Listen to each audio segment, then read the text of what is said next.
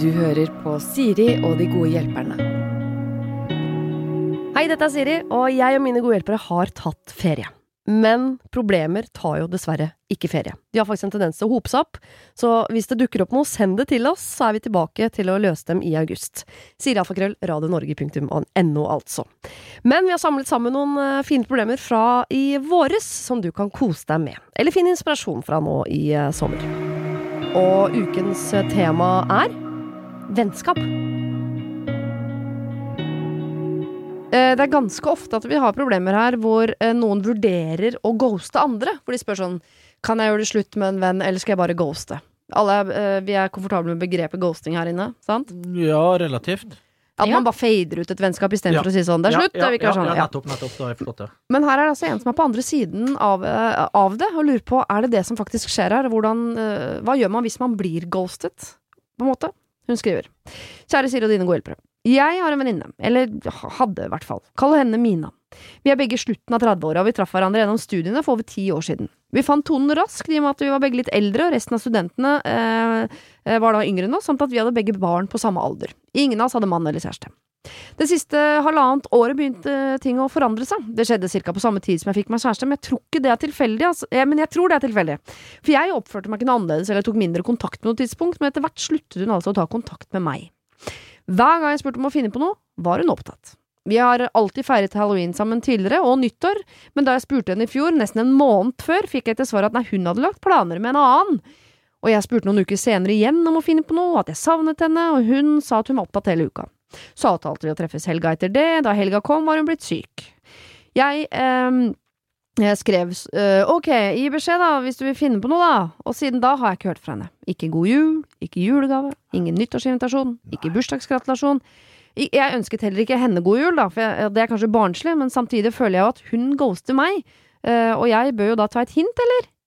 Men nå har jeg altså ikke hørt noe siden november. Barna spør jo om å få treffe dem også, og de er lei seg og skuffet. Så hva gjør jeg? Skal jeg bare la dette dø ut av seg selv, eh, som det jo holder på å gjøre, eller skal jeg sende en melding og spørre hva som egentlig skjer her? Hun tar aldri telefonen når jeg ringer uansett. Hva skriver man da i så fall? Jeg har sendt mange, savner deg, kan vi finne på noen snartmeldinger siste året, og det hjelper altså ikke. Hun har ingen andre nære venner heller, det har hun aldri hatt, så jeg har på en måte vært den eneste hun har, så jeg forstår ikke dette. Hjelp! Hilsen Guro. Hjelpe meg, Guro. Så, det, først og fremst, det var så, det var så sårt å høre dette her. Ja. Det må være så forferdelig grusomt å føle på det. Og hvis ikke har noen andre, hun, hun andre der, da. eh, det Kan det være at hun har et uh, problem? Altså, jeg vet da ikke. Jeg jeg ville aldri ha keisa noe sånt, da. Det kan jeg jo si her og nå, for meg sjøl. Så jeg ville jo latt ok, da får det bare være. Hvor lenge skal du holde på liksom å, jage etter det der uh, hvis du ikke får noe respons og ingen eh, eh, Hva det heter eh, Ja. eh, Men jeg er, for jeg er enig i at Guro blir ghosta her, ikke sant?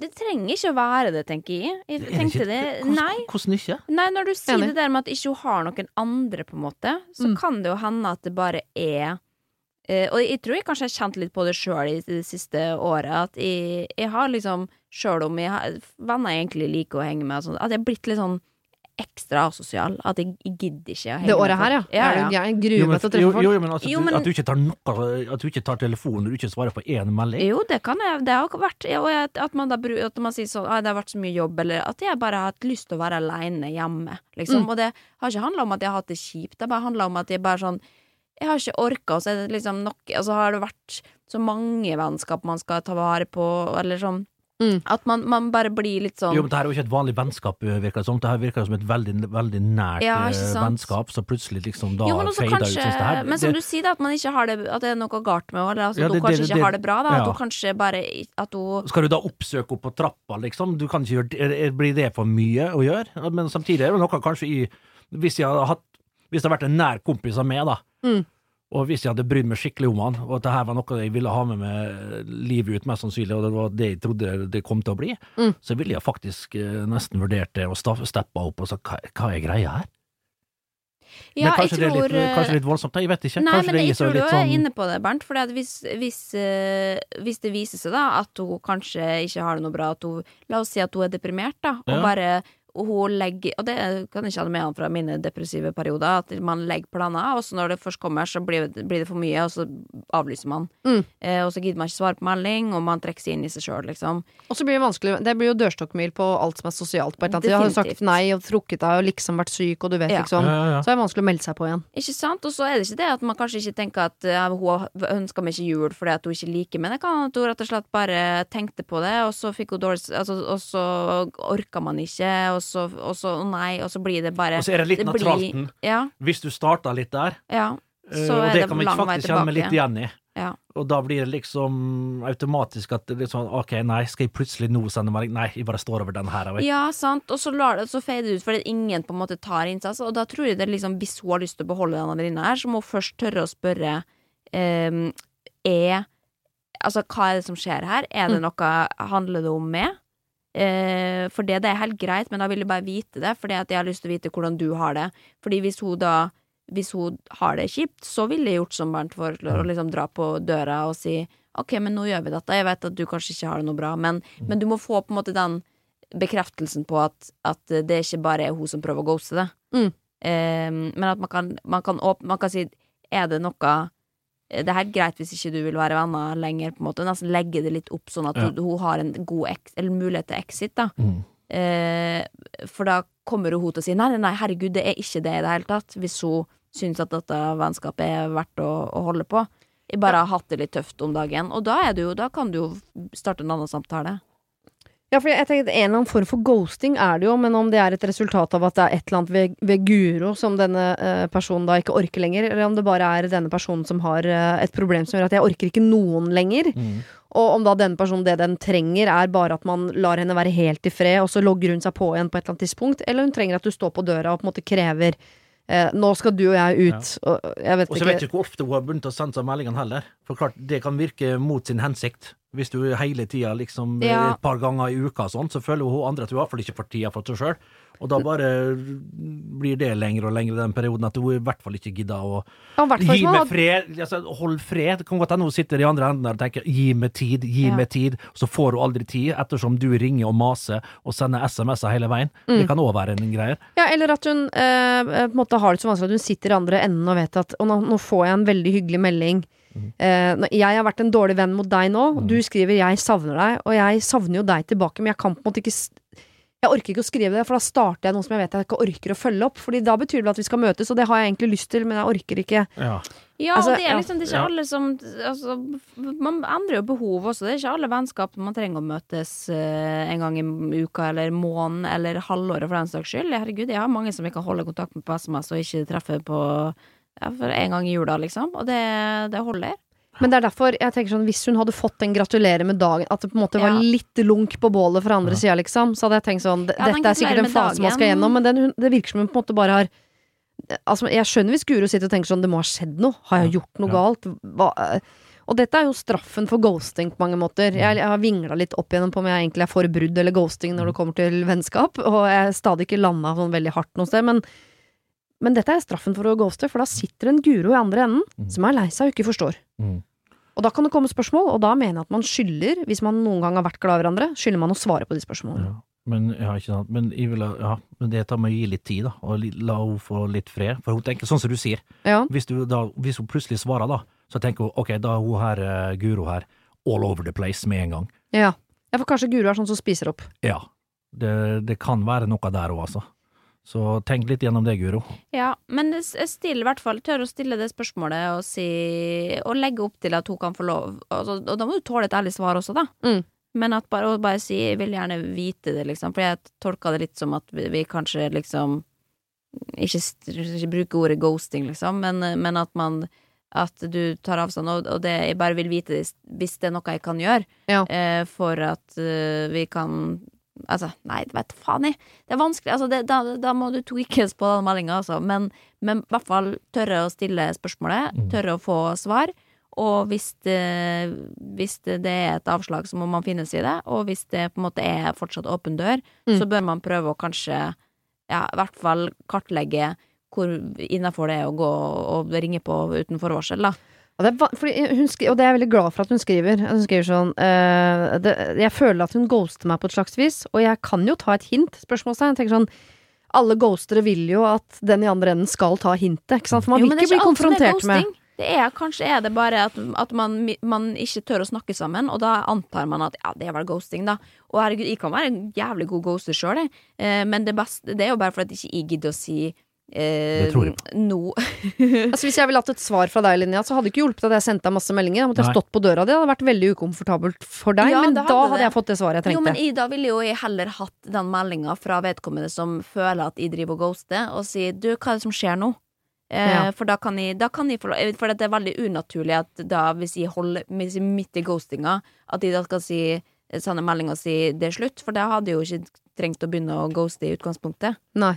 Så du Eh, tenker at du kan sende en litt mer sånn en, en melding som krever et svar, i Ja. større grad enn 'jeg savner deg', for det kunne jeg liksom sett på sånn ved hofta. Tenkt sånn, det trenger jeg ikke å svare på, eller det tar jeg seinere, og så glemmer man det. Mm, mm. Men mer sånn Nå sitter jeg med hodet fullt av tusen spørsmål. Har jeg gjort noe? Hva skjedde? Går det bra? Altså at man er mer konfronterende i, i måten å spørre på, i håp om å få svar, da. For det å stå på døra er jo litt invaderende, altså. Ja.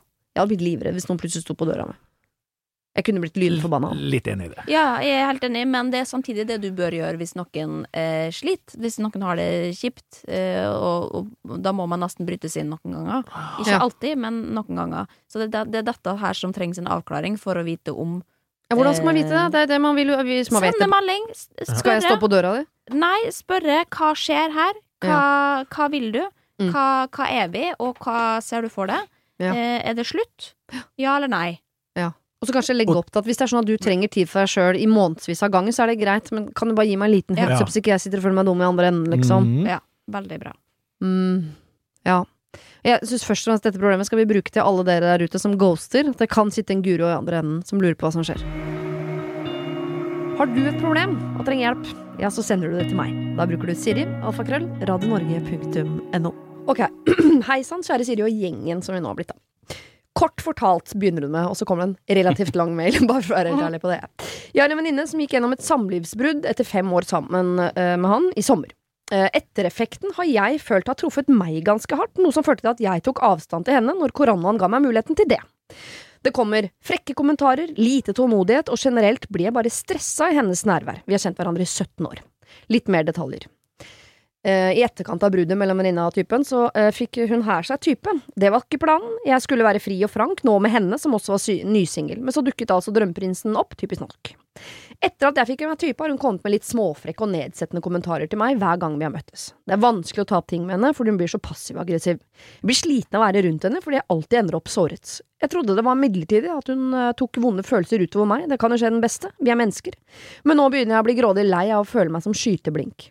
I oktober prøvde jeg å tipse om at kanskje det kunne vært et smart trekk å snakke med en psykolog eller noe etter bruddet, siden det har hjulpet meg tidligere. Da fikk jeg smelt tilbake det vet vel jeg ingenting om! Dette med langvarige forhold og brudd. Hun har tross alt vært sammen med typen sin i fem år, jeg har bare vært sammen med min eks i to. Dette ble etterfulgt av kommentaren 'Ikke alle ligger rundt, sånn som deg'.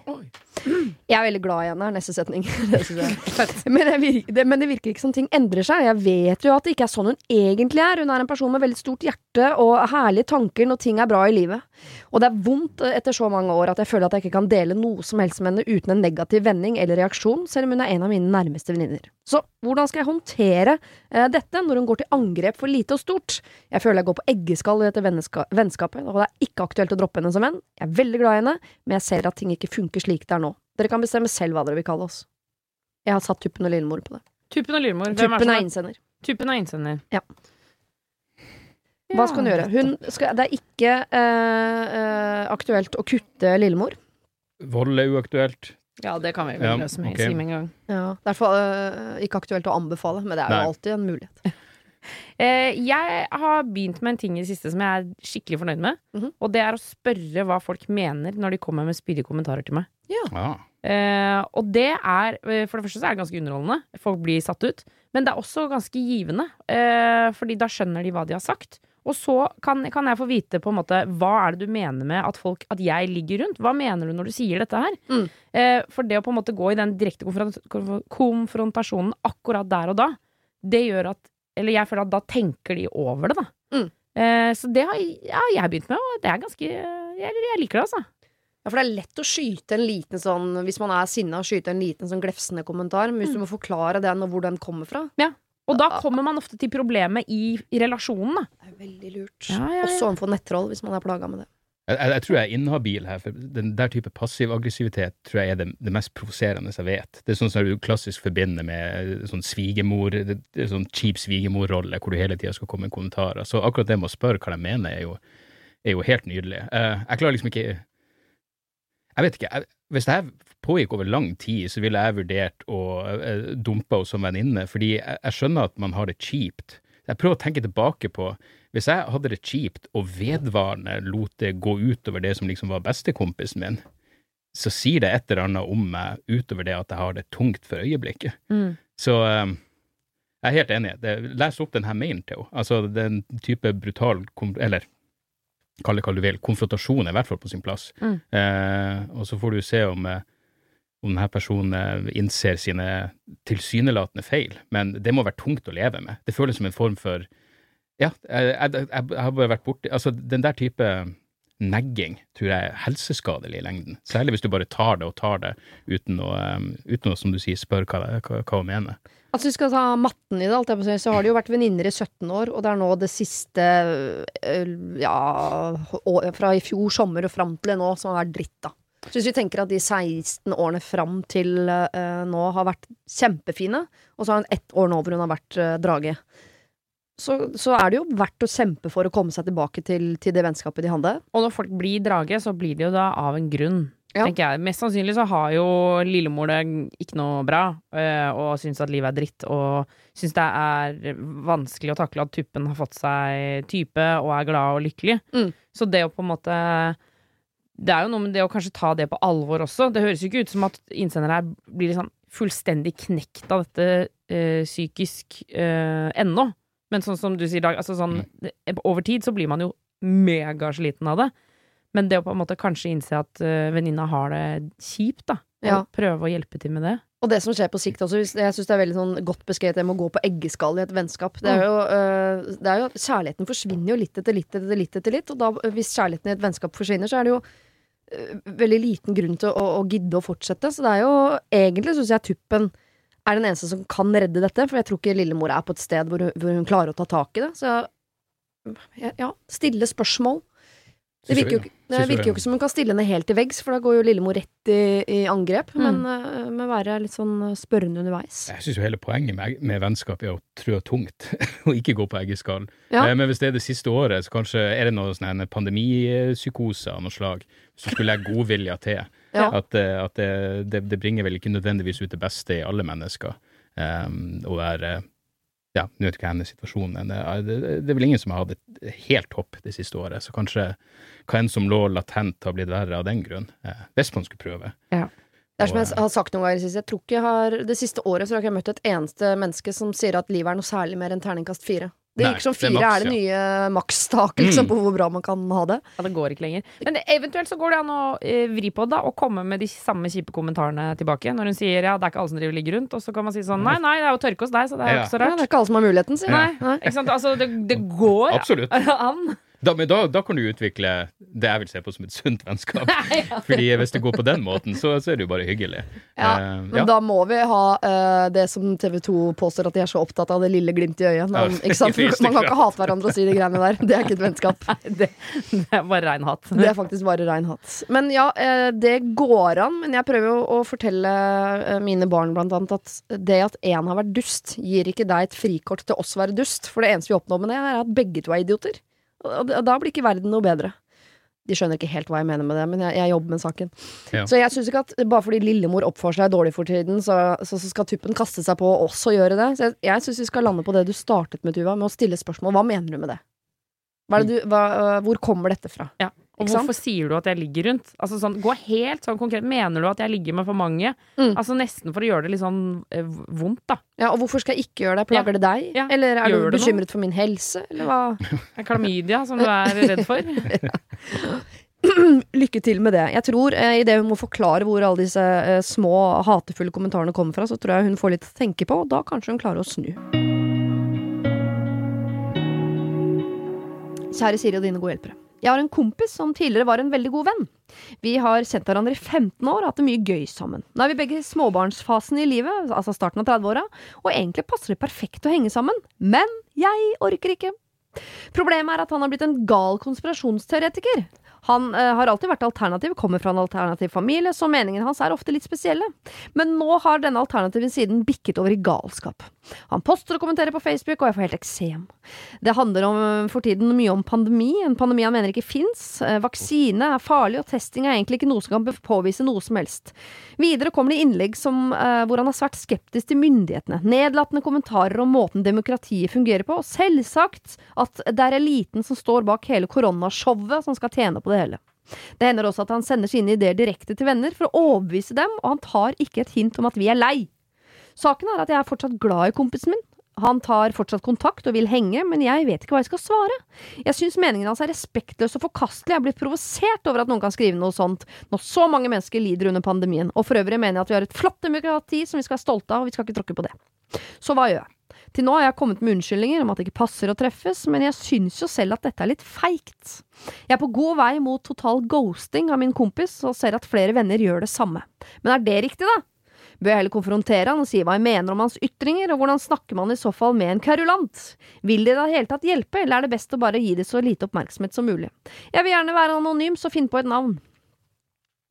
Kan du begynne der? Hva syns du hun skal hete, Viktor? Er det en jente eller gutt? Jeg tror det er jente, dette. Jente. Mm. Nei, da får det være Carola, da. Carola, Carola. og konspirasjonsteoretikeren. Ja. Ja. Åh, høres ut som en barnebok. Ja. Ja.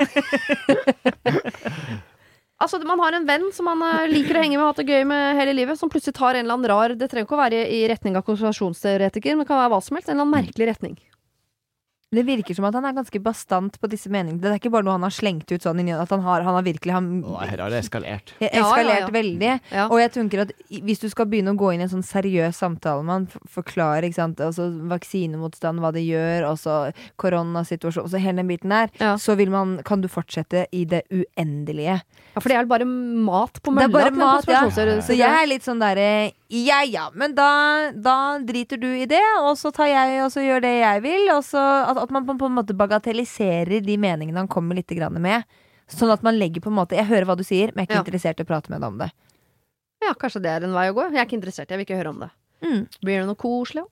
Jeg, jeg er litt sånn Nå har jo jeg kanskje kommet til et sted i livet hvor jeg er veldig komfortabel, og jeg vet at jeg har de rette vennene i livet mitt, og sånne ting, men jeg Og kanskje også nok venner, hvem veit. Men jeg kjenner at hadde jeg hatt en sånn kompis, Mm. eh, så hadde jeg, tror jeg, med ikke dårlig samvittighet i det hele tatt, eh, latt eh, vennskapet gå sin gang. Ja, Skli sakte ut i sanden. Altså, Ja, typisk ghosting Altså, som hun ja. er i gang med, da. Ja, men venner kommer og går, altså. Og kommer det noen inn i livet ditt som bare bringer negativitet og sprer hatefulle ytringer og, og falsk informasjon, eh, og ikke minst prøver å presse det på deg med å sende det direkte og bare 'hør nå her, det er sånn er det', nei, da hadde jeg, jeg hadde slått av med en gang, altså. Jeg blir sliten. Sånne folk Ja. suger energi og Ja. gir ingenting. Det er bare Det er trist å si, men jeg hadde, jeg hadde gitt det opp, jeg.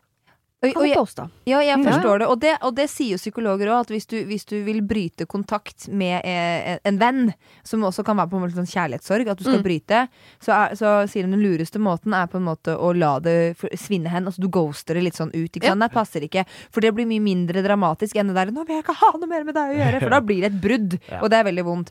Samtidig så er jeg veldig for at ja, vi har forskjellige meninger. Mm. Eh, og vennen min, da, hvis det hadde vært meg, da, så vet jeg at vennen min er jo like frustrert over at jeg er så dum i hodet at jeg ikke tror på det han sier. At du ikke skjønner at jorda er flat? Ja, ikke, ja men altså Ja. helt der, ikke sant? Så selv om jeg da syns at han er helt idiotisk, så syns han at jeg er helt idiotisk. Men samtidig så har vi det fint. Så jeg ville jo bare hver gang Hvis jeg hadde hatt en venn som hver gang hadde sendt sånne konspirasjonsteorier, og ting og tang, så hadde jeg bare ledd av det. Ja. Altså bare altså latterfjes, latterfjes, latterfjes, emoji, latterfjes. Mm. Og bare Der er du fin! Ja. Der, nå, nå er du i gang igjen. Ikke sant? Ja. Der er du fin, da. Og så bare, bare vært litt sånn egentlig sånn Avdramatisert hele greia. avdramatisert greia og bare tenkt at dette her kan du ikke mene. Litt sånn. Uten uten at jeg sier det, men at jeg ler av det. Avdramatiserer det. Og da skjønner jeg at ok, her er det ikke noe vits å sende. Jeg får ikke noe, jeg får ikke noe tilbake. Men hadde ikke du blitt provosert om en av dine beste venner hadde gått og ment sånne ting og spredd sånne ting? Jeg, jeg tror ikke jeg hadde takla det. Altså, altså jeg har venner jeg er uenig med i mange mm. forskjellige ting, og forskjellige politiske tema, hele pakka, men kommer ikke nesten en grense til liksom, hvordan man ser på verden? Ja, altså, det det er jo en fin ting da, hvis man vil henge om man har barn og hele den biten der. Altså bare si det sånn at Men vet du hva, vi skal faktisk eh, eh, Altså, hvis ikke dere har vaksinert dere, så er ikke jeg interessert i å møte. Alle andre vaksinerer seg. Akkurat den er grei, da. Så da, Mm. så da vi vil være trygge, og Mm. fram til og fram til Og vi skal vaksinere oss og gjøre vårt, men vi gidder ikke å bli, vi ikke å bli syke for at du ikke tar denne pandemien seriøst. Så jeg, jeg, jeg, vi har, jeg kan ikke møte deg, rett og slett. Jeg synes, eh, Før var jeg veldig eh, litt sånn, synes ghosting også var feigt. Så, som jo innsender her også sier, er ikke det litt feigt at, alle, at man ghoster? At ikke man liksom tør å gå i, i, i konflikt? Og det var en periode jeg mente sånn Altså Et vennskap skal man vel eh, også kunne gå i brudd i, akkurat som i kjærlighet. Et vennskap er jo ofte lengre og større nesten enn kjærlighet. En fyr du har vært sammen med i to uker, må du slå opp med, men en venn du har vært sammen i ti år, nei, det kan du ghoste. Jeg syns hele den biten var litt rart. Men så er jeg, er jeg tilbake på at ghosting er bra. For alt du ghoster ut, kan du ghoste inn igjen ved en annen anledning. Sant? Vennskap går jo i disse fasene. Ja. Og jeg tenker selv om jeg, helt, jeg synes det er veldig deilig når du sier det, Victor, at eh, han her kan man bare liksom ghoste. Og det er jeg enig i, selvfølgelig. Mm. Men når du også observerer at det er ikke bare jeg som ghoster denne fyren, alle rundt han ghoster han, så syns jeg av kjærlighet til dette mennesket som han jo er glad i, så fortjener vedkommende en, en forklaring på hvorfor han mister alle vennene sine. Fordi han kommer til å sitte øverst på, på sin eh, hest og tenke sånn Jeg har rett, jeg vet alt hva som er riktig om pandemi og demokrati og alt dette vet jeg til alle idiotene. Hvor ble de av? Så jeg, jeg tror han trenger å få en litt sånn kalddusj på Ja. Vet du hva, det er ingen som orker deg lenger. Fordi du mener dette, dette, dette. Så du må gjerne fortsette å mene det. orker jeg ikke å diskutere med deg. Men hvis du vil henge med meg, så er ikke det et tema. Mm. Et, øh, Ja, hvis er, man klarer, tør Ja, ja, så ja, og så er det Det at det, er man, er man En ting er med sånn Altså at man er motstander mot vaksiner og den biten der, men det at man har konspirasjonsteorier om hva korona egentlig er og sånn, det er jo Det er jo også to To forskjellige ting. Det henger jo på en måte sammen, for han vil jo ikke mest sannsynligvis da ta noen vaksine. For han mener at alt bare er oppspinn og en konspirasjon for at man skal tjene penger osv.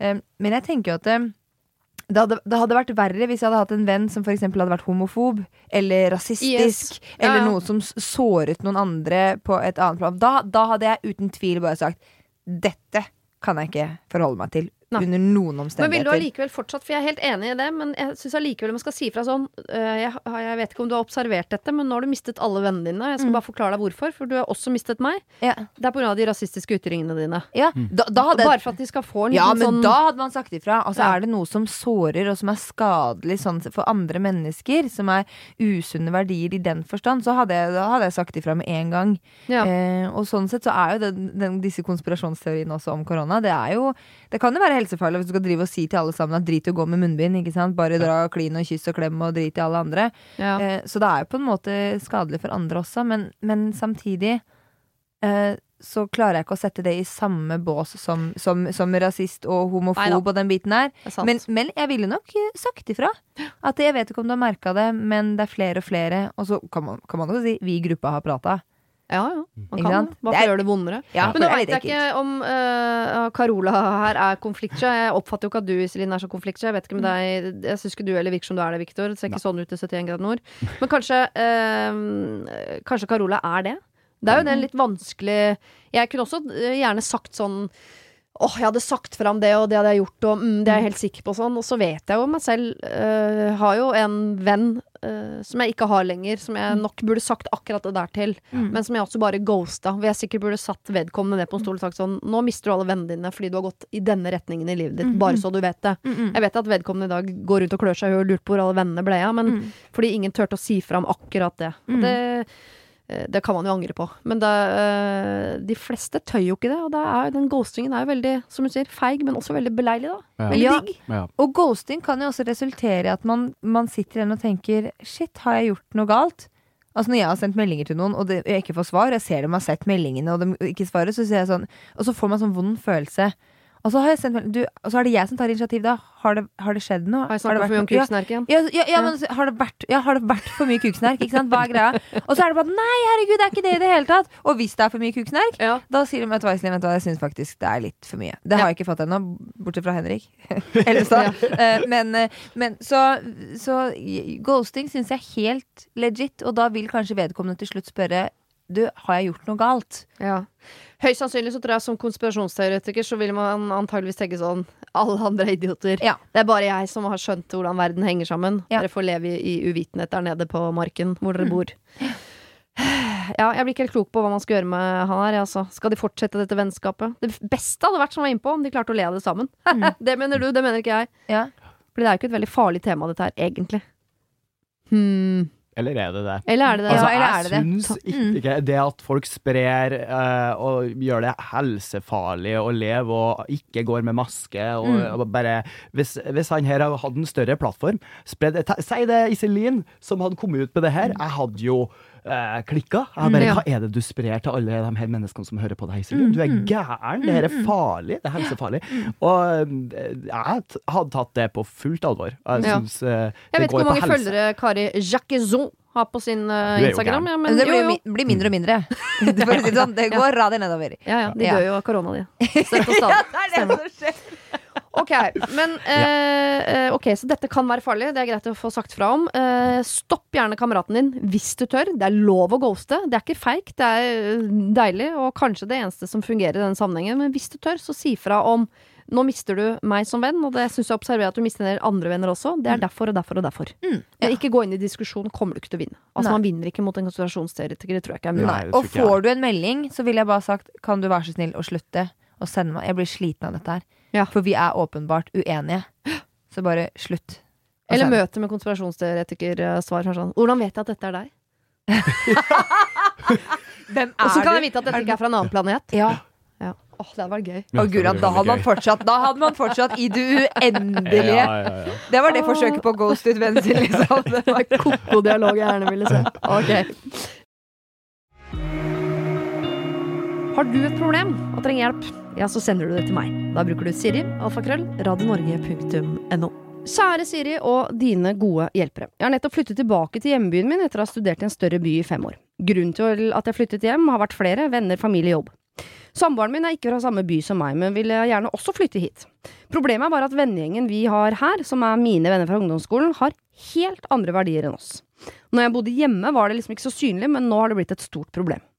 Samboeren og jeg anser oss selv som eh, feminister, antirasister, miljøaktivister. Vi er ikke absolutt ekstreme på noen måte, men eh, likestilling, likeverd og klima er viktig for oss. Når vi er sammen med vennene våre, ler de av folk som er trans, kaller folk som ikke er fra Norge for N-ordet, sier at kvinner hører hjemme på kjøkkenet, og prater om hvordan myndighetene prøver å forgifte oss med covid-vaksine. Vi har holdt ut lenge nå, fordi vi er så vanvittig glad i disse folka, og de har vært noen av mine beste venner i 15 år, men nå vet jeg ikke om jeg orker mer. Vi er i slutten av 20-åra, og jeg føler at vi har vokst fra hverandre. Men jeg syns det er vanskelig å bryte med dem, da det er en stor grunn til at vi flytta hjem, nettopp disse vennene. Vi har andre venner som tenker det samme som oss også, eh, men vi har ikke hengt like mye med disse gjennom åra. Så hva skal vi gjøre? Skal vi dumpe vennene våre? Skal vi ghoste dem? Eller skal vi bare holde ut denne praten? Kall meg gjerne Emma. Hun har det ikke som alternativ, men jeg slenger inn et alternativ i potten. Eh, konfrontere dem hver gang. Mm. Klarer man å ha en vennegjeng, Linnea, som er helt motsatt av seg selv? Ja, altså nå har hun ikke i eh, det, selv om jeg på en måte kjenner meg igjen i den har flytta fra hjembyen sin og fortsatt har venner som bor i, i Molde. Eh, de er jo ganske oppegående folk og har de stort sett de samme holdningene som vi har her, hvis man kan si det. Eh, eh, men det, men jeg skjønner problemstillinga, for jeg vet jo også at det er sånne miljø hvor ikke noen har blitt utfordra på den virkelige verden, og som kan finne på å si N-ordet, Mm. eller som Altså, liksom, det er så mye rare folk der ute. Mm. Um, Eller uopplyste, da. Sånn ja, bare, Å ja, var det gærent, liksom? Eh, Ja. rett og slett det. Men, det, og dette er jo på en måte Det er jo ikke hennes ansvar å oppdra dem, men hvis vi ikke alle sammen tar det ansvaret om å konfrontere hver gang du hører noe sånt, Mm. så kommer jo ikke noe videre i verden. Nei. Eh, men det er klart at, at man, hvis, man, hvis hele vennegjengen din er der, så er det jo på en måte skal holde hardt å omvende hele Men hun hadde det flytta hjem, sant? Det er ikke Ja. det at hun er hjemme av og til med samboeren, hun har flytta hjem flyttet til hit, ja. det her. Og der har de venner som har de samme eh, verdiene de har, som de. de har to men, grupperinger, da, kan du si. Ja, ja. Jeg ville nok sakte, men sikkert hella mot den andre gjengen, altså. Og ikke ghosta dem eller skydd unna. Men altså, det kan jo være litt befriende å ha to forskjellige greier sånn der, og konfrontere deg litt sånn som du sier, Linnea. Men jeg kan jo si for, for mitt eget eh, For min egen del, altså har jeg jo jeg folk hjemme som vi ferdes med når jeg kommer hjem, Mm. som har litt uh, forskjellig syn på ting og tang. Og jeg syns jo det kan være litt sånn eh, forfriskende, da, hvis, hvis du sier det sånn. Samtidig så eh, påpeker, på, påpeker det litt når det blir litt for voldsomt. Ja, for det er jo det som ofte skjer, er jo da at du blir da hun, hun, hun som kommer med pekefinger, liksom. Og kommer fra Oslo og belærer oss, liksom. Og det gjør jo at det kan også bli en ganske sånn splid innad i gruppa, fordi at du kommer og tror at du er bedre, da veit så mye mer, og herregud, du Ja. blir du miljøet, er du helt idiot, liksom. Eh, sånn, sånne holdninger kan man også da oppleve. Ja. Eh, og hvis det er det du får tilbake, fall, så vil jeg i hvert fall ikke gidda. Da jeg, altså, men det, så da er det jo, du må legge dem på balanse her. Men hvis hun liksom har lyst til å utfordre dem på det, og har overskudd til det, så tenker jeg gjør det, men også sikre det på, med noen andre venner i en annen gjeng. Ja, for det diggeste må jo være å kunne gå litt inn og ut av disse gjengene. For det er jo noe med Hvis det bare skal være én gjeng hvor alle sitter og er helt enige med at her bruker vi n-ord og drit i miljøet, liksom, sitter en annen gjeng på andre siden av byen som, som er det motsatte. Det beste hadde vært om den ene gjengen kunne inspirere den andre litt, uten at man må være på jobb. For det orker du ikke som venn. At hver gang jeg er sammen med de, så er jeg på jobb. Så da Ja, misjonerer jeg og prøver å lære de opp om at plast i havet er dumt, og vi bruker ikke en Altså, det orker man jo ikke. Nei, men dette her høres ut som en veldig stor jobb hvis du skal prøve å integrere så der to eh, gruppene eh, og få dem inn i hverandre. Det tror jeg er en umulig oppgave, eh, bortimot. Men kan hun være en bro uten at de nødvendigvis møtes, men ta med seg noen holdninger fra den ene være, til den andre? Det kan hun være, selvfølgelig. Og hvis hun orker det, og hvis hun har overskudd til å gjøre det, så er jo det vel og bra. Men sakte, men sikkert så tror jeg det her kommer til å ordne seg. Hun er i slutten av 20-åra, og da er det ofte sånn. Ja. Da er du i en sånn fase der det er forskjellige ting du, skal, du lurer på, akkurat sånn som det her. Så sakte, men sikkert så kommer hun til å fade ut derifra, vil jeg tro, og så havner hun mer i sin eh, rette gruppering. Så jeg tror ikke hun skal Jeg tror hun heller bare skal hvis hun, sånn som jeg ville gjort, da, le litt av det, og ikke prøve å predikere og moralisere for mye. Det er litt sånn lost case, spør du meg, når de er så oppe. Og det, ikke, jeg tror ikke du greier ene alene å omvende en sånn stor gruppe Så er, da tror jeg heller at det blir sånn at det ikke kom her og kom her. Det, det men klart, hvis du er en veldig veldig god person, da, sånn som Linnea er, så ville du kanskje Nei, gått inn og prøvd. Jeg hadde ikke tatt med bry med å, å bruke tid på, på sånt uh, sånt der, da. Uh, Men hvis dette er et lite sted, da. uh, hvor det er på en måte det er, det er de vennene man har. Gjengen som bruker n-ordet, og gjengen, som ikke bruker n-ordet. Bare for å lage to veldig tydelige bokser. Eh, la oss si at gjengen som bruker n-ordet, er de som får barn samtidig som deg, da. mm. Det er, det, altså, man går jo inn og ut av noen faser i vennskapet som gjør at at det er, det er dumt å, å gå men liksom og slå opp med alle Men det, går, ja, men det går jo an å være sammen. Så det er klart, Når du er sammen med kids, så er det ikke noe problem. Hvis du har kids i samme alder, så går du jo ut og gjør kids-ting, og da går du ikke rundt og prater om sånne ting. Jeg vil ikke tro at det, det som er hovedessens, det er det de prater om, er N-ordet og, og klima og alt det der. Du kan jo heller bare peile, eh, peile samtalen inn på noe helt annet, da. Ja, Så du, du er mener der. ikke, ikke at de skal dumpe denne vennegjengen som bruker Nei, men n-ordet? altså, sakte, men sikkert så kan du fade, ja. Men, men Ja. her bare, de gangene du er med dem, så, er du bare påpasselig med, å- med å bruke, med å gå inn på noen andre samtaler med akkurat det som gjør at det, det blir kleint og, og, og vanskelig å være der, da. Ja, jeg. for den kan jo være altså, Det er jo veldig mange som er gode mennesker, sjøl om de har sånne holdninger. Liksom. Mm. Men det er jo bare, som du sier, det er, de, man er uopplyst, da. Um, og, og herregud, jeg kommer jo fra et sånt sted sjøl, og har, har liksom hatt helt absurde holdninger som jeg ikke fatter hvem jeg var. Men i, i, forst, i retrospekt så forstår jeg det, liksom. ja. Fordi at ingen hadde fortalt meg at uh, det er det ikke greit å verken si eller tenke eller noe som helst. Um, og så, så, så det, det, det er jo på en måte da Likevel ikke bare kaste dem fordi at de har en holdning som ikke kanskje er så mye å gjøre noe med. Så ja, som Bernt også sier, prøve å finne noen andre samtaletema. Ta dem på det hvis det liksom Og særlig hvis det er foran barn og sånn også, da. Mm. Eh, Ikke at det er ditt Ja, det, det, ansvar å da begynner vi å snakke, ja, for da går det jo ikke an. Nei, ikke sant. Ja, man kan jo det er styre unna. no-go. Hvis du styrer unna, eh, for hun er glad i de folka her, vær sammen med dem en del, også være sammen med de andre. Styre unna, kan godt fade litt ut. Mhm. Si fra noen ganger. Når det Hvis n-ordet blir sagt, så kan man si sånn Det er ikke greit å Ja. si lenger. Være litt opplysende uten Ja. å være hvis dette er sånn aktivistgjeng som på en måte eh, kledde seg ut og gikk i tog og sånn, da må man jo ta avstand. Nei, men også så tenker jeg da at, at noen ganger så er det jo Når du blir konfrontert med at det, det er ikke lov å si, så kan du ofte møte den der sånn «Mm, Ok, greit, det var hun jeg sa hun liksom. Men det det gjør da på lang sikt, er jo å gjøre en holdningsendring. Og husker, altså det er sånne konfrontasjoner som har også vært med på å forme mine holdninger opp igjennom, liksom. Selv om det er ubehagelig og du vil gå i konfrontasjon, så er det jo på en måte Det får jo vedkommende til å tenke, og så i det lange løp så plutselig har du slutta å si, si de tingene og forstår hvorfor det var feil å si det i utgangspunktet. Ja. Så det er liksom Det trenger ikke koste så jævlig mye heller. Det er kanskje at du får et stygt blikk, Nei, ikke, ikke jævlig, det trenger vi ikke å si. Nei, det da De det. Ja, det, ja, jo det har vi slutta å si, ja. Ja. ja. Akkurat der, der eh, får du ikke endra på. Det er sitt fast, dessverre. Og da feida jeg sakte, men sikkert ut. Jeg husker jo starten når man fikk liksom påpakke for å bruke ord man ikke skulle brukes. Tenkte, fordi det er jo ubehagelig når noen sier fra. Eh, Jeg hadde en periode hvor jeg var veldig aktiv på å si fra når folk sa sånn ah, 'Det er så døvt', ass. Så sa jeg sånn 'Du mener døll, ikke sant?' Jeg bare Ja, døl høres ja. jo enda verre ut. Jo, men for, for det er ikke lov å si døvt om ting som er kjedelig. Det er ikke lov det. lenger. Men da merker jeg eh, Da fikk jeg veldig mye stygge blikk og rare blikk på Ja. det. Og jeg, jeg bare ga det opp til slutt, altså, for jeg var helt alene i det, i det, under den parolen i det toget. Men ikke- jeg ser jeg ser for meg at du har ikke problemer med å konfrontere folk med det er det veldig mange som ser for seg, men det er feil. Er det feil? Ja ja, eh, det gjør jeg aldri. Jeg bare sier at alle andre skal gjøre det. Det er mye, mye lettere. Jo, men, men, Men er jeg har vært i akkurat samme med, med akkurat det ordet også. Ja. Eh, og første gang jeg fikk det påpekt, så var jeg sånn Herregud, går det an å bli mer nærtrakende, liksom? Hva er det du, du er ikke Du er ikke hørselshemma engang, liksom. Det, hvem er det du snakker på vegne for? Og så har jeg slutta å si det. Fordi, På grunn av det utgangspunktet. Jeg tenker alltid på det når jeg hører noen si det. Jeg tenker på det, og så tenker jeg sånn Det er Ikke ikke alltid si, si sier du mener var døll, men eh, i 50% av tilfellene, da, så si det. Ja. Og da er det jo, nå er vi plutselig to som gjør det, ikke sant? Ja. Og plutselig så er det alle de andre som faktisk bruker ordet, som burde føle seg som idioter. Ja. Mm. Så hvis du or orker, Emma, når du er hjemme på uh, besøk, så må, eller nei, når du er med de vennene dine som uh, trenger å liksom bli litt uh, opplyst, så gjør gjerne det. Bare ikke bli sånn Ikke bli irriterende. Nei, ikke nege. Nei, ikke nag. Og fade de ut i perioder hvis det blir for mye for deg. Du har jo heldigvis noen andre ordet venner. døvt, bare for å si det, er det, det begynner vel å dø sakte, men sikkert ut? Nei, det, jeg Jeg nei, det det brukes over er en lav sko.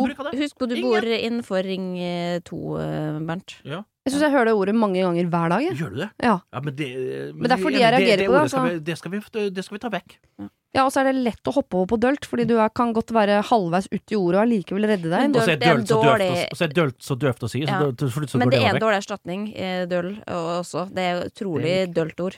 Er ikke døll et ganske gøy ord, da? Nei, Jeg får det- retro, god retrofølelse på det. Litt tilbake til sånn det Mad-bladene og sånn. Ja, ja, Python og Mad. Liksom. Ja.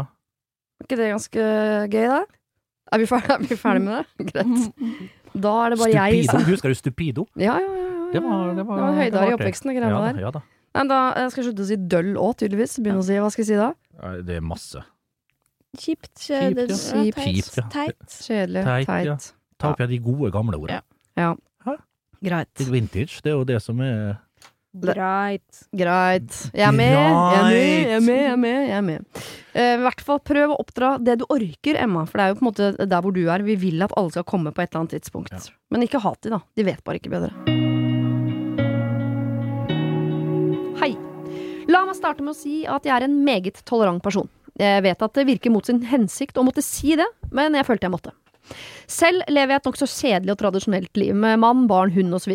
Men jeg har heldigvis en veldig spennende vennekrets som inneholder de fleste varianter.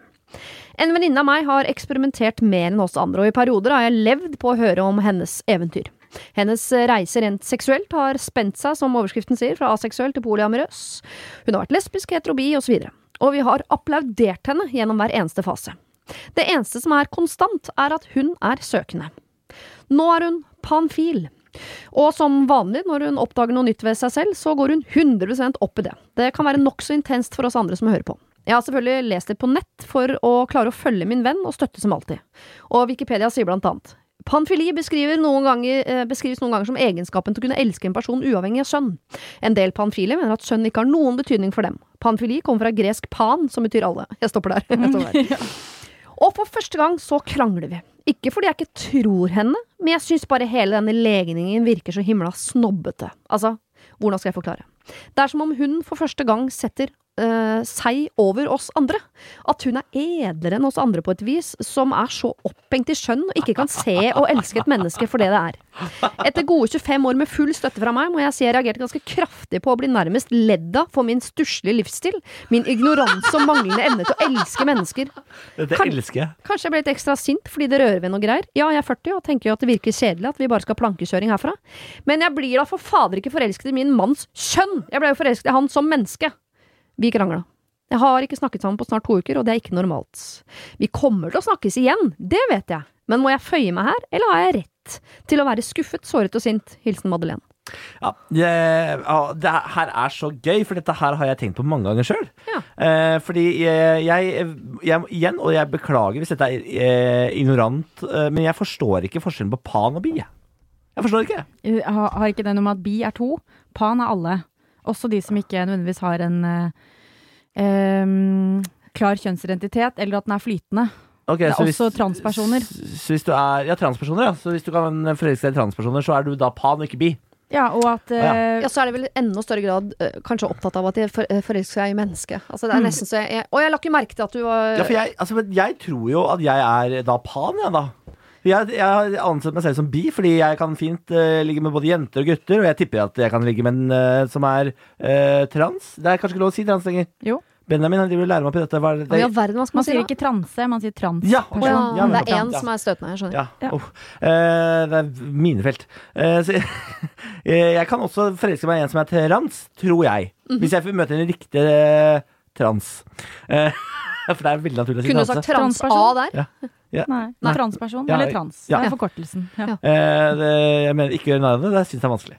Eh, så da er jeg altså panfil, jeg, da. Oppdager jeg her nå. Antageligvis. Kommer du ut som panfil nå på radio? Da kom, nå kommer jeg ut som panfil. Velkommen, Her kommer jeg i en helvetes hastighet. Ta Da meg tar vi en liten pause her, skal jeg bare ringe VG. Et lite øyeblikk.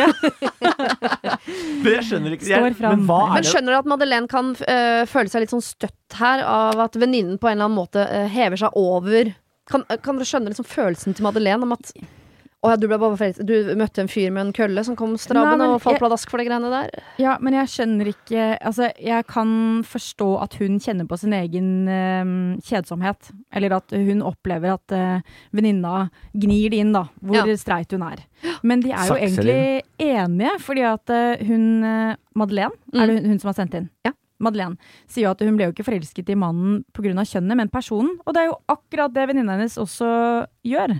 Når hun blir forelsket i noen, så blir hun jo også forelsket i personen, og ikke kjønnet. Ja. Så de er jo egentlig helt enige. Ja, men Det er kanskje derfor Madeleine syns det er litt vanskelig at denne venninnen skal øh, øh, flotte seg så innmari med, med, med sin overskrift og sin nye åpenbaring på at jeg, å, Jo, jeg, men- jeg, men- elsker mennesker. Men du, ligger ikke problemet men- i at hun trodde kanskje panfil var bifil, da, sånn som meg? Eh, og derfor er det så jeg, øh, Fordi da sier man sånn Ja, jeg, er- jeg er bifil. Eh, jeg forelsker meg i både jenter og gutter. Men jeg, det er ikke kjønnet, det er, det er personligheten, i motsetning til deg. Men hvis hun er panfil, så er det jo trans og alt mulig rart. Hvor, hvor skulle jeg med dette? Jo, men i den setningen du sier da, Ja. jeg tror hvis du hadde sagt til meg sånn Å ja, ja du ble forelsket i mannen din, Espen. Ja, ja jeg forelsker meg i personligheter, jeg. Så Ja, sånn, ja, men jeg Hva sier du nå? At ikke jeg falt for personligheten til mannen Mm. min? At jeg, jeg bare jeg, jeg så en, en kølle, så var det noe annet tåkete rundt der. Jeg vet ikke hva det var, jeg, men den kølla kom nå i Det hvert fall gående foran fjeset Sånn mitt. det Jeg falt pladask. Mm. Det, det høres ut som hun ene på jobben din som du alltid har lyst til å slå til. Men ok, så jeg tror For, for at jeg skal forstå det, så er det noe med at uh, venninna uh, vil ikke la seg definere av legning. Mm. Men hun labeler da uh, Herregud, hva heter hun? Madeleine? Madeleine, ja. Ja. Beklager. Eh, at hun labeler henne fordi du er hetero, du. Og derfor ble du forelsket i en mann. Men det er Mm. klart, selvfølgelig, vi alle faller jo for personlighet. Det er jo ikke som du sier, bare en kølle foran, eller vagina, da. Jeg har sett Eller- mange køller jeg ikke har falt for. Ja, Mm, jeg òg. mm, ja, ja samme her. Mange vaginaer, da. Ja, ja, ja. Snikskryt. ja. Masse. Masse. Det er så mye. Ja, ja, ja. Husker dere det før? i tida? Lastebil, ass. Herre. Men eh, nei, så jeg tror nok det eh, rokker noe ved hennes eh, Ja, men hun sier jo det at hun vil ikke ha plankekjøring herfra ut. At Mm. hun kjenner litt på det. Og kanskje hun er litt misunnelig da, for at venninna lever eh, litt mer. At hun eh, har et litt mer spennende liv. Ja, Det høres ut som det. Det høres ut som det er et problem med deg, ikke i venninna di sin, fri, de, sin frislipp. Men det er høres fantastisk at hun er ut- fri. Ja, ja, jeg syns ikke det høres ut som venninna di hever seg over deg heller. Jeg tror det er du som nå begynner å få litt sånn voksenpanikk over at du ikke eh, hadde det gøy nok Mm. før du falt til ro. Og det kan jeg også kjenne meg igjen i. Jeg har vært sammen med Benjamin siden vi var 20. Innimellom skal jeg tenke sånn herregud, hvorfor banka jeg ikke et par lefser til, liksom, før jeg uh, falt til ro med denne stakan? Er det lov å si? Hæ? Er det lov å si? Jeg vet ikke, jeg sier det, jeg er fra Moss. Norges Mexico. Ja, men så du også kan Ytre kjenne på det? Nordre Follo. Ja, jeg, jeg kan absolutt eh, kjenne på det innimellom. Mm. Fordi innimellom så blir det jo Vi har vært sammen i ni år nå. Det blir jo litt statisk og kjedelig. Og man får noen flate perioder hvor man tenker sånn Voff! Nå skulle jeg ønske jeg kunne ta meg en guttetur til Granca Mm. og bare jobbe meg gjennom Jumbosenteret. I stedet for gullrekka og taco, liksom. Ja, ja, ja. Ja. 100 Ok, men La oss være enige at det antakeligvis er en blanding av det. da At hun kjenner litt på sånn Åh, jeg er 40, er det bare dette herfra ut? Eh, og så kommer hun med stadig nye liksom, eventyr, og nå skal hun heve seg litt over. At, at hun er litt sensitiv på det. Men kan hun ikke allikevel eh, snakke med venninnen sin, det skal hun uansett, og si noe om dette? Bare så, men ha med seg liksom sin, sine egne eh, følelser inn i si sånn jeg føler at du hever deg litt over meg når du snakker til meg på den måten. Som om jeg ikke forelsker meg personligheten til mannen min. Selvfølgelig gjør jeg det. Men kanskje du kan starte med litt mer sånn Jeg, jeg, jeg, jeg har tenkt litt og jeg lurer på, kanskje på om det ligger litt på meg. At jeg har ikke um, utforska nok tidligere. Mm. Men jeg føler litt på at du hever deg over meg. Hvis du bare legger den først, Mm. så har du i hvert fall eh, sagt at noe av dette kommer fra meg. Det er ikke, da slipper du å være så forbanna provoserende. Ja, også, Vi har jo en uh, felles venninne her uh, som uh, altså er poli, blant annet. Har vi det? Har vi? Ja, men altså hun har snakket i min Ja, ja. podkast, Henriette, eh, snakker om å være polyamorøs. Og hun opplever ofte at når hun snakker om å være poli, så blir folk, folk også veldig i forsvar.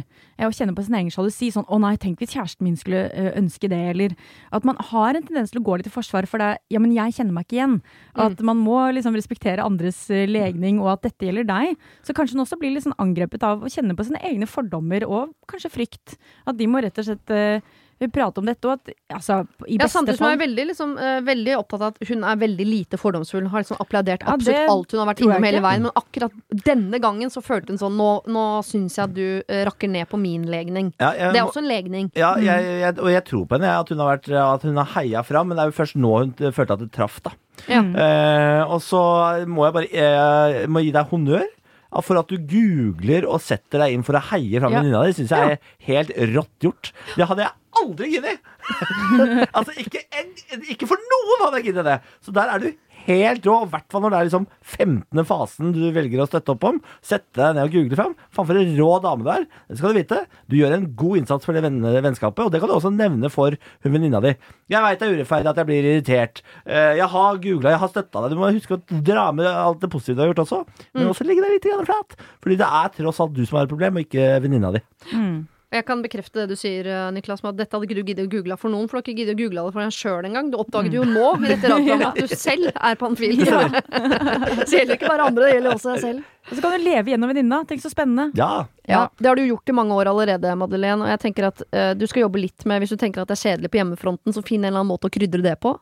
Uh, og så syns jeg du kan si til venninna at du uh, blir litt såra når du føler at du, hun hever seg over deg eh, ved at hun nærmest sier at ikke du forelsket deg i personligheten til mannen. mann. Det kan du bekrefte at jo, det gjorde jeg absolutt. Eh, og håpe at hun setter pris på at du er en sånn venninne som går inn på Wikipedia for å forstå venner eh, bedre. Det, eh, som Niklas også sier, det skal applauderes. Og denne samtalen skal dere ta, og dere skal være venner også på andre siden. Ja. Hei, jeg har et lite problem. Jeg trenger hjelp. Min beste venninne, kall henne Kari, og jeg har vært venner siden barnehagen. Vi har opp gjennom åra gått i samme klasse, spilt håndball sammen, flytta til samme studentby, reist, opplevd utrolig mye sammen. I år blir vi begge 30, og vi er i samme livssituasjon. Vi har begge samboer eller ektemann, enebolig, fast jobb, ønsker oss familie. Jeg ble gravid veldig fort, mens Kari prøver fortsatt. Hun har slitt med angst og depresjon i mange år, og hun er eh, nå inne i en litt dårlig periode igjen. For første gang har jeg begynt å legge merke til at Kari er en ganske negativ person. Andre folk har kommentert dette opp gjennom åra, men jeg har aldri opplevd henne eh, på denne måten, i hvert fall ikke så sterkt som nå. Alt i livet er galt, og katastrofe, og feil og urettferdig. Jeg bruker tid og energi på å trøste henne, komme med råd, men hun tar aldri rådene til seg, og slik fortsetter det som en ond sirkel. Gå til psykolog, sier jeg, og hun sier at det har hun prøvd.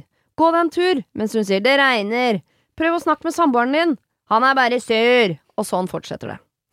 Til og med ektemannen min sier at han kan merke når jeg har hengt med Kari, fordi han syns at negativiteten hennes smitter over på meg, og han har aldri likt Kari så godt, fordi han syns at hun er slitsomt negativ. Og dette ser jeg jo nå. Jeg har andre venninner som er gravide, og som har barn, som jeg henger mer med nå, og jeg merker at jeg får en helt annen energi etter å ha hengt med dem. Så hva gjør jeg? Kari er min eldste venninne og en fantastisk person i sine gode perioder, selv om hun alltid er litt negativ. Igjen så har hun disse dårlige periodene der jeg føler at hun tynger meg med ned sammen med henne. Hilsen Mathilde. Oi, Er det skilsmisse vi går til her? Altså, vet du hva? Eh, Jeg tenker jo at eh, selv om du har vært venninner fra barnehagestadiet, så er det ikke dermed sagt at dette her er et vennskap som på død og liv skal vare livet ut. Noen er rett og slett bare ikke ment for hverandre, eh, og det er helt greit å gjøre det slutt med en venninne. Men det er jo klart at hun altså, byr på mye bra. I, I visse perioder, som er veldig fint. Men her ville jeg òg faktisk eh, liksom tatt tyren ved hornene og prate, pratet om det, altså. Og faktisk snakket om dette her. Ja. Og tar det opp og si det så dønn på og ærlig og direkte at kjære venn, vet du hva, det er sånn det oppfattes når vi er sammen. Altså, det er så mye negativitet, og vet du, livet mitt eh, jeg, jeg har ikke rom for så mye negativitet. Eller kjenner du deg igjen i dette her? Føler du Altså, føler du Mm. at det treffer et uh, sårt punkt her? Er det noe annet som ligger bak? Hva er Mm. What's the deal, yo? Hvis det er personligheten hennes, så er det vanskelig å få gjort noe med det. Og Ja. da må du velge sånn, er, dette, er de gode tingene nok til at jeg kan elske henne allikevel, eller orke å ha henne i livet? Men det kan jo Mm. også hende at hun bare har kjørt seg fast i et spor. Ja, at hun trenger at en som er glad i henne, sier sånn hei, hei, hei, hei. Nå må vi rygge. på at uh, det er jo noen sånne venner som man har hatt så lenge, kanskje, at, at det skal jo være verdt Det skal jo være Den vennen skal jo Mm. være der nettopp av den grunn. Mm. Til at du skal tåle meg når jeg har det vondt og vanskelig, så trenger jeg også at du bærer meg litt. Det må jo selvfølgelig gå to veier, da. Det er jo det Mm. som kan være litt, føles litt sånn enveiskjørt kanskje her. Mm. Eh, og så skal jo også den vennen være den som sier ifra at ikke sant, nå må du skjerpe deg, det her er for negativt. Jeg til og med kjenner Mm. på at jeg, det, jeg sliter med å ville ringe deg noen ganger, fordi at alt starter med nei. Mm. Eh, og alt er negativt. Så, så du må jo også stole på at den vennen som skal løfte deg når du er nede, også kan si fra når, når du må endre deg, da. Ja. Og det må man jo tåle. Ja, det, det er ikke alltid så, så enkelt. Men det så, så ja, man kan jo være egoistisk og si at kanskje skilsmisse er det beste for meg her, men Mm. samtidig, den vennen jeg lener meg på mest i livet, som ikke på en måte skal ta ut skilsmisse, er jo kanskje den barndomsvennen da, som har Mm. kjent meg lengst. Mm. Ja, for jeg, jeg har blitt en som heier på at nettopp sånne vennskap skal bevares, selv om det i, i perioder er slitsomme? Sånn, så tenker jeg at det, jeg syns heller man da kan ikke sette det på pause, men Ja. fade det litt ut, Ta det og heller få en kanskje litt ta annen avstand, ja. Ja, Mm. men det er jo dumt hvis du opplever at venninnen, barndomsvenninnen din, hver gang du har en dårlig periode, så fader hun ut. Ja, da vil hun jo typisk tenke sånn Å ja, du er sånn venninne som bare er med på liksom the Bare upside, greier. som ikke blir med. Mm. Ja. Mm. Så hadde det vært fint å ta en, en prat på sånn Du har jo noen perioder hvor det er, eh, du sliter, og jeg Mm. er der for deg, men jeg, jeg klarer ikke å bli med deg ned. Nei. Nei. Og så må du bare slutte, da, når de når de snakker sammen. Kanskje ikke være hun venninnen som alltid gir råd, og som alltid blir med inn i Ja. som, Mm. Mm. Ja, jeg vet ikke. Ja, det er vanskelig, for hun er jo tydeligvis såpass negativ òg at det merkes fra alle andre, og Mm. partner eller ektemann, eller om de var gifte, eller hva det var. Mm. Og at, eh, at det er så tydelig, da. Da har hun jo en virkelig en negativ energi. Jeg kan si at jeg har vært i denne problemstillingen. Ja, Ja. har du det, ja? mm, ja. Med, med nær person, som, eh, som da har på en måte Man måtte ta den praten, rett og slett. Mm. Og der også, jeg husker det jeg var litt inne på, var å prøve liksom Men kan vi finne noe du blir veldig glad av? Kan vi Mm. finne en slags motpol i livet ditt? Mm. ja. Eh, og så må du komme på det, da. Mm. Mm. For du, nå får du ikke lov til å si nei, og alt er kjipt og kjedelig. Nå må du finne hva blir du glad av. Og Ja. hvis det er en tankeprosess som kan vekke noe i det, så Ja. ta den. Ja. Det er det verdt, liksom. Ja, ja, ja. Fordi vi er flere rundt her nå som, som syns dette er veldig vondt og vanskelig. Og det er vanskelig å se på at noen behandler sin partner dårlig òg, ikke sant? Mm. Eh, og negativt hele Ja, ja, ja, tiden. ja. At det blir et slags angrep. Så det blir ubehagelig å være i samme rom, til og med. Så, så det er en prat man måtte ta, og det var flere som, som gikk inn og, og på hver sin kant, da. Ikke Ja. samtidig, men som sa at nå, nå, Nå er du veldig liksom- negativ, og hva kommer det av? Og det er en vanskelig balanse også, for man skal jo nettopp være den vennen som Men det var ingen som støtter og som blir med og Nei, Nei, det er bra. Også, men samtidig skal man jo være raus nok til å faktisk være den vennen som, som gir en sjanse. Som sier Ja. sånn, vet du hva, nå, nå er du så negativ at jeg vet ikke om jeg, Orker. om jeg orker. Mm. Så jeg må, vi må finne liksom et eller annet som ikke er så negativt Mm. sammen. Sånn at hun, kanskje hun venninnen ikke, ikke merker det engang. Bare Nei, nei. Det er for de merker det ikke selv, det kan jeg si høyt. Ja, det kanskje gjør de ikke tenker at det er humor. Ja, de aner ikke. Ja, men det, det, det er en sånn gammel tralt, liksom, som Mm. er et, et vondt mønster som de bare låser helt fast i. Mm. Men det å, å ta den praten, det må hun jo bare gjøre, og si det på en så varm og fin måte. At, vet du hva, ja, du er jo den personen som står meg nærmest, jeg er mm. så glad i deg. Og derfor så må jeg ta opp et par ting med deg. Mm. Og fordi at jeg bare ønsker det beste for deg og for meg og for vårt vennskap. Og for at vi skal liksom ta dette vennskapet til nye høyder, så trenger vi å snakke om disse tingene her. Og hvis man føler at man har gjort det, så Mm. er det selvfølgelig helt lov å skille seg med venner man ikke har noe godt med. Mm. Ikke sant? Det er også helt lov hvis det kommer dit. Men da tror jeg hvis vennskapet har såpass lang historie, så er det verdt å ta den runden Ja, absolutt. Og da er det i hvert fall lov, eller da tipper jeg det blir lettere både for samvittigheten, Mm. eller også å si fra sånn Vet du hva, eh, nå, du husker den samtalen, nå trenger jeg en pause. Ja, Ja. Faktisk. Nå blir det for mye for meg, og så Da ringes er vi det lov når å du si det fordi ja. du tok den praten. Ja, og de kan faktisk ikke skilles uten denne samtalen, så den blir superviktig for veien videre, altså. Ja. Veldig viktig. Jeg mener egentlig det er en fin sånn uh, råd til alle, om det er i kjærlighet eller vennskap eller hva det måtte være. Det er faktisk ikke lov til å gå rett i brudd uten å si fra om de tingene som gjør at du har lyst til å gå i det bruddet. Fordi dette har jeg sagt til mannen min nå ganske strengt. Hvis det er noe med meg du ikke liker, så f du får ikke lov til å gå fra meg Nei, hvis ikke det er ting du har gjort meg oppmerksom på. Nei, klart det.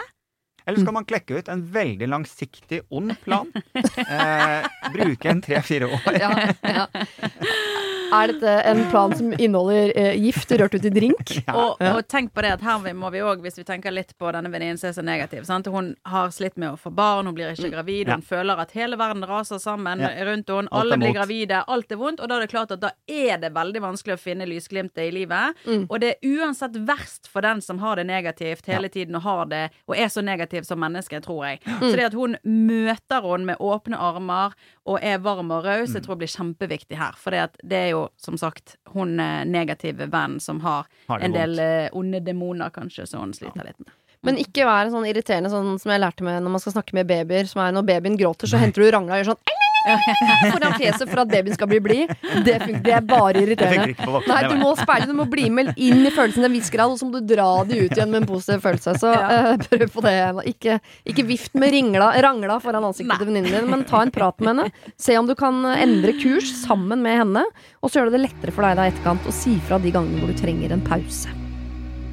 Det var det. Husk å sende ditt problem til siri at radionorge.no om du vil ha hjelp.